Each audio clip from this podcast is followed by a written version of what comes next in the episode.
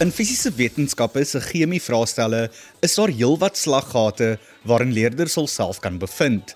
En dan is daar ook nog een of twee vrae in die middel van die vraestel waar leerders vashak en onnodig meer tyd mors. Plaas daarvan om aan te beweeg na die res van die vrae wat effens makliker is.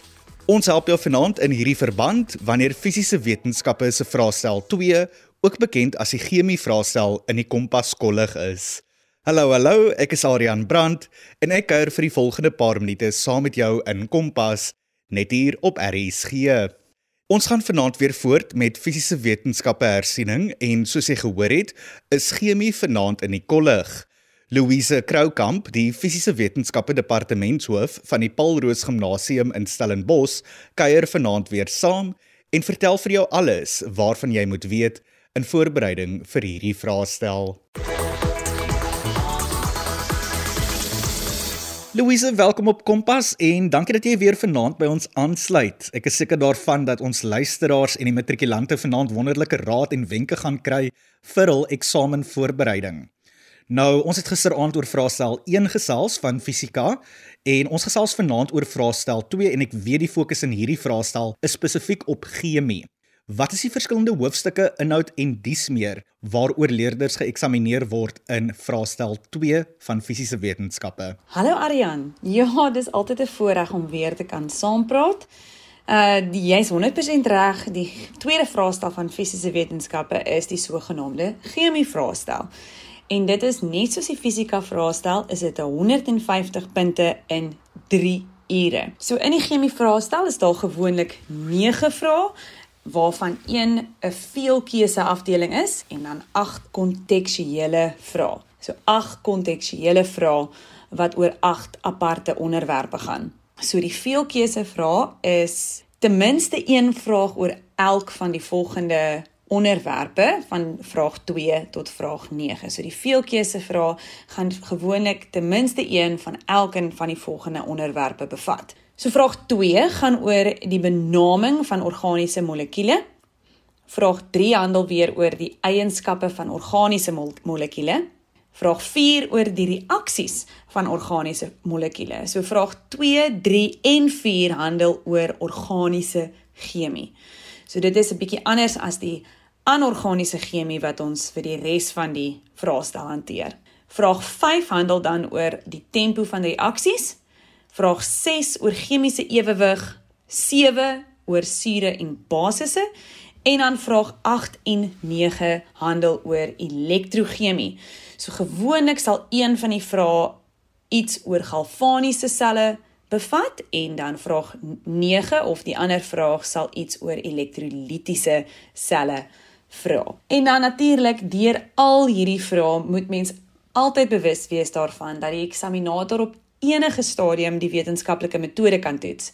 So dit behels weer ondersoek vra, hipoteses, die uitkenning van veranderlikes, die identifisering van 'n onafhanklike veranderlike, 'n afhanklike veranderlike of enige kontrole veranderlikes, sowel as data wat in tabelle en grafieke is wat geanaliseer kan moet, moet word, sowel as berekening van gradiënte, analisering van resultate en dan natuurlik gevolgtrekkings, die maak van gevolgtrekkings um, en enige analise ten opsigte van die geldigheid of die betroubaarheid van 'n ondersoek. Louise, kan ons nou so 'n bietjie gesels oor die punte toekenning van die verskillende afdelings en miskien ook die tydsbesteding vir elke afdeling?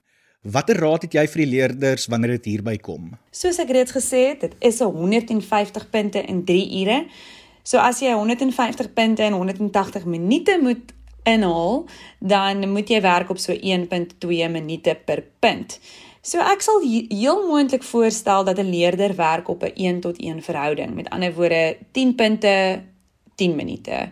So dit skep vir jou 'n bietjie tyd aan die einde om te weet jy het genoeg tyd om weer deur jou vrae te gaan. So die chemie vraestel word eintlik opgedeel in twee afdelings: materie en materiale en dan chemiese verandering. So materie en materiale is gewoonlik omtrent 58 punte van die hele vraestel. En dit is al die organiese chemie van jou vraestel. So dit is vraag 2 tot 4, 2, 2, 3 en 4 en dan al die veelkeuse vrae wat ook oor organiese chemie handel. So Ek wil altyd voorstel dat leerders wat fisiese wetenskappe baie uitdagend vind, hulle moet fokus op vraag 2 tot 5 vir die maksimum punte vir minimum insette. Dit is die deel van die vraestel wat die meeste uh soos wat die Engelse sal sê straightforward is, um waar die meeste punte kan op 'n laer vlak, op 'n laer kognitiewe vlak verdien word.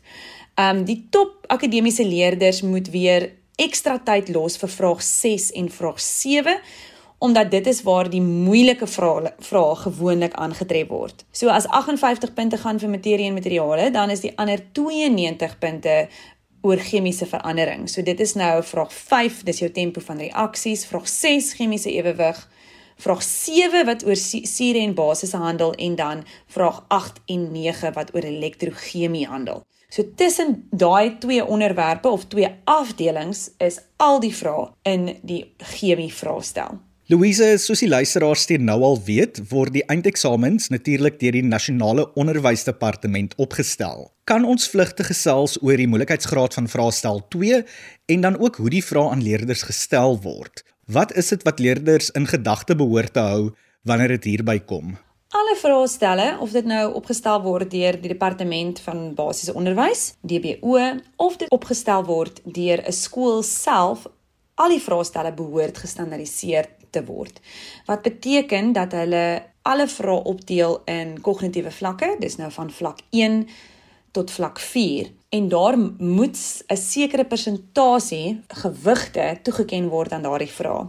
So vlak 1 is jou herroep of jou basiese onthou van terminologie en definisies vra en dit moet 15% van 'n chemie vraestel wees. Ehm um, en dis so 23 punte wat mens kan verwag wat eenvoudige herroep, definisies en terminologie is. Dan met 'n chemie vraestel wat anders is as die fisika, is 40% van die vraestel veronderstel om verstaan en begrip vrae te wees. So dit is weer 35% in die fisika vraestel. So die chemie vraestel is 40% wat ongeveer 60 punte van die vraestel is. Jou kognitiewe vlak 3 is jou toepassing en analise vrae en dit is so 35% van die chemie vraestel wat ongeveer 52 tot 53 van die punte is. En dan jou kognitiewe vlak 4 is jou evaluering en skepping van nuwe inligting en dit is veronderstel om 10% van die vraestel te wees of so 15 punte. So As jy geluister het na die fisika uitleg, sal jy agterkom dat die verstaan en begrip en die toepassing en analise kognitiewe vlak 2 en 3 is omgeruil. So oor die algemeen, volgens die standaardisasies behoort die chemie vraestel eintlik effens makliker te wees as die fisika, maar ek weet dit dit is nie noodwendig in realiteit wat die leerders ervaar nie. So, en uh, dis net maar omdat die fisika vrae hulle self bietjie meer leen tot daai toepassing en analise vlak 3 wat dit dan maak dat daar meer vlak 3 vrae in 'n fisika vraestel is as in 'n chemie vraestel. So maar 'n leerder moet eintlik maar net onthou, daar sal ietsie wees van alles. Daar gaan maklike herroep, definisies, terminologie vrae wees. Daar sal middel, middelmatige vrae wees en daar sal uiters uitdagende vrae wees en dit is 100% normaal. Mens moenie mens moenie ehm um, skrik as mense uitdagende vrae kry nie, want dit gaan daar wees volgens hier dan die standaardisasie vlakke van alle vraestelle. En dan wil ek ook sê, dit is dan maklik as jy weet dat 15% van die vraestel maklike, eenvoudige definisies en terminologie is, dat mens jou jy kan jouself daarop voorberei om seker te maak dat jy ken jou definisies en jy ken jou terminologie. Louise, ek wil hê dat ons nou so 'n bietjie meer in diepte moet gesels oor die inhoud van die verskillende vrae van vraestel 2.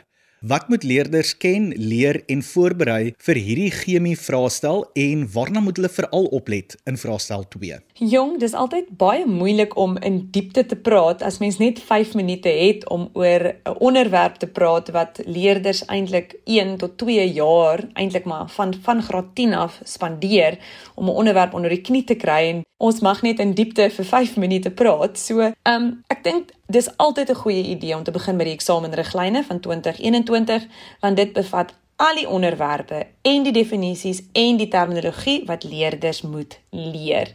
En daarmee saam is elke formule wat op die datablad is elke databladsy wat gegee word is alles in daardie dokument vasgevat. So baie belangrik, elke liewe definisie wat in die eksamenriglyne is, moet geleer word, sowel as elke formule op die datablad. Jy moet 100% vertroud wees met elke formule wat vir jou gegee word wat presies beteken elke simbool en in watter eenheid daardie kwantiteit gemeet word. Jy moet weet wat elke simbool beteken. Jy moet weet watter eenheid um elke kwantiteit ingemeet word.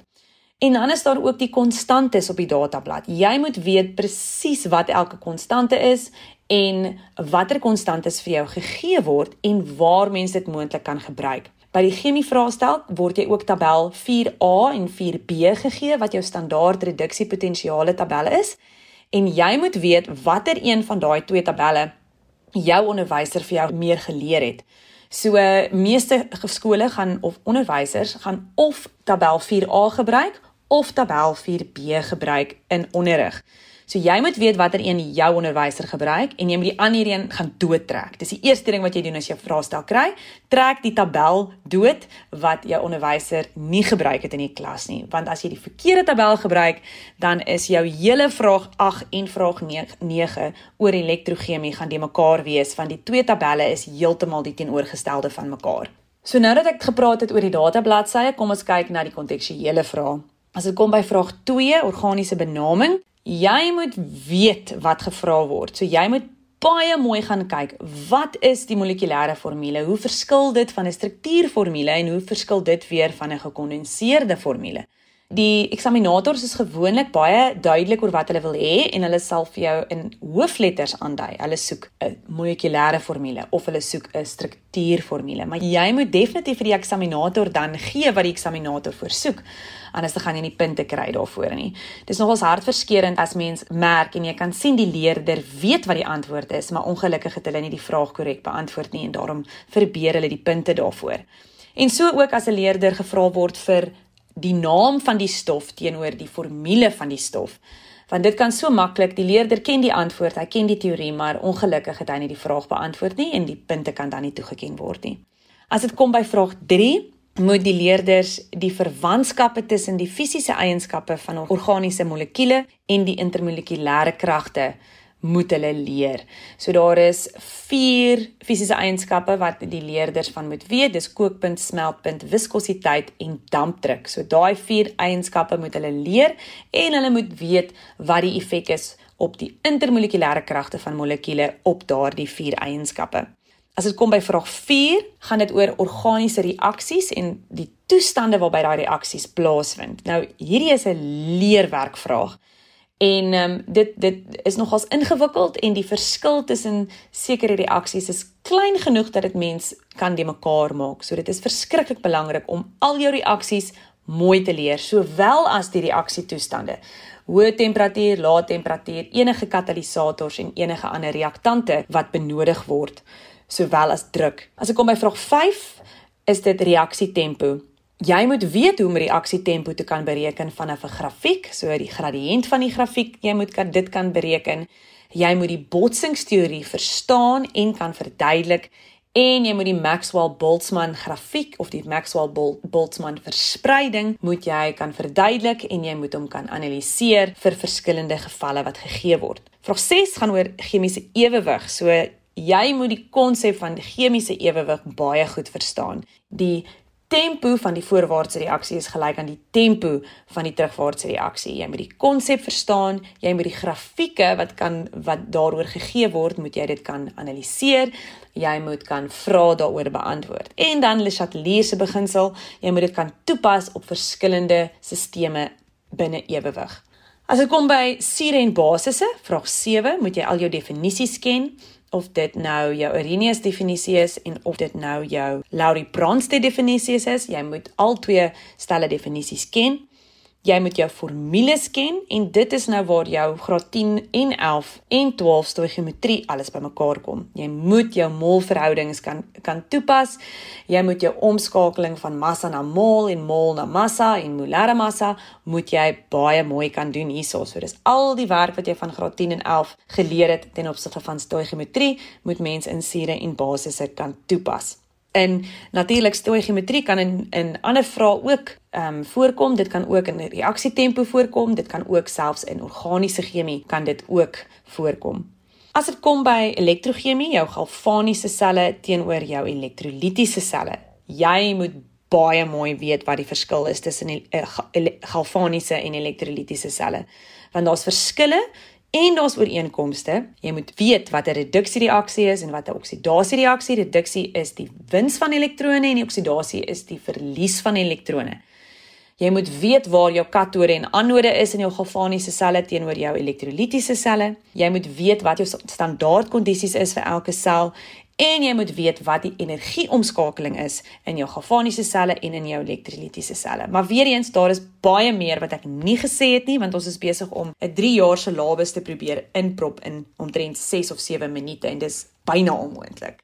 Louise, elke chemie vraestel het maar sy tipiese slaggate. Wat is die probleme en die uitdagings wat jy sien leerders in fisiese wetenskappe se vraestel 2 teekom? Ek dink die oudste slaggat in die boek is maar die lees en die verstaan van die vraag. So leerders moet stil raak en hulle moet die vraag mooi lees. Ek het dit al genoem, maar by organiese chemie kyk wat gevra word. Is dit molekulêre formule? Is dit strukturele formule? Waarvoor soek die eksaminator? En gee dan die eksaminator wat die eksaminator vra sodat jy jou volpunte kan kry. Ehm um, dan verder as dit kom by berekeninge, baie belangrik in alle wetenskapvraestelle is dit belangrik om jou formule te skryf, jou instelling te skryf, sowel as jou antwoord en jou eenheid. Nou eenhede in chemie is natuurlik 'n bietjie verskillend as eenhede in fisika. Byvoorbeeld in fisika werk mens massa in kilogram en in chemie werk mens massa in gram tensy anders vir jou gegee word. So wees baie bewus van die eenhede wat gegee word en veral in reaksietempo, dit kan mol per sekonde wees, dit kan gram per minuut wees, dit kan konsentrasie per sekonde wees of konsentrasie per uur wees. Die eenhede kan verskil. So mense moet mooi lees om te verstaan waaroor die vraag gaan en waaroor die eenhede gaan. Gaan kyk na die grafiek, kyk mooi wat staan op die x-as, wat staan op die y-as om seker te maak jy die eenhede korrek. Dan die ander ding wat ek baie vind by chemie vraestelle is leerders verstaan die teorie, maar hulle het nooit die korrekte terminologie geleer nie. So binne 'n chemie vraestel is hulle verskriklik spesifiek oor watter terminologie gebruik moet word. Soos in vraag 3 as hulle as leerders verduidelik waarom een molekuule 'n hoër kookpunt het as 'n ander molekuule, soek die eksaminator vir die korrekte terminologie. Die een molekuule het 'n langer koolstofketting. Mens kan nie net sê dis 'n groter molekuul nie. Mens moet spesifiseer dis 'n langer koolstofketting. Of mens moet sê die molekuule is meer vertak en daarom is die res van die verduideliking wat daarmee saamgaan. So die korrekte terminologie is verskriklik belangrik. En dan ook by vraag 3, wanneer jy verwag word om te verduidelik waarom 'n kookpunt hoër is, dan moet jy sê meer energie word benodig om die intermolekulêre kragte tussen molekules te oorkom. Die oomblik wat jy praat van bindings wat breek, is dit verkeerd. So die korrekte terminologie in hierdie vraag is uiters belangrik. As ek kom by vraag 5, reaksietempo, is daar ook 'n paar belangrike sleutelfrases wat ingesluit moet word soos byvoorbeeld wanneer ehm, 'n um, reaksietempo verhoog sal mense dit verduidelik deur om te sê meer deeltjies het kinetiese energie wat groter is of gelyk is aan die aktiveringsenergie en daarom vind meer effektiewe botsings per eenheid tyd plaas en daarom is die reaksietempo hoër. Nou daai sleutelfrases is verskriklik belangrik om seker te maak dat jy die volle punte vir die vraag verdien. Um moenie 'n moeilike 7 punt vraag net uitlos nie. Dis dis uh, een van die slaggate wat ek ook sien. As leerders sien die punt die of die vraag tel 7 punte en dan los hulle dit net uit. Onthou dat in skynat en chemie en in fisika word prosespunte um, gegee. So indien die leerder sekere prosesse binne die vraag gevolg het en reg gekry het, dan kry hulle die punte daarvoor. So selfs al is die antwoord heeltemal verkeerd, kan 'n leerder maklik 3 uit 7 of 4 uit 7 nog steeds vir 'n moeilike vraag verdien. So onthou om baie mooi te wys wat jy doen, gee jou formules, stel jou verhoudings, jou molverhoudings vanaf stoigometrie en onthou ook om subskrifies te gebruik vir albei sure en basisse om vir die eksaminator te wys watter chemikalie, watter stof werk jy mee. So skryf daar mol van water of mol van kalsiumkarbonaat sodat die eksaminator kan volg wat jou redenasie is. 'n uh, eksaminator kan nie punte gee as die eksaminator nie die redenasie van die die leerder kan volg nie. Louise, leerders moet natuurlik hul chemie kennis en teorie kan toepas.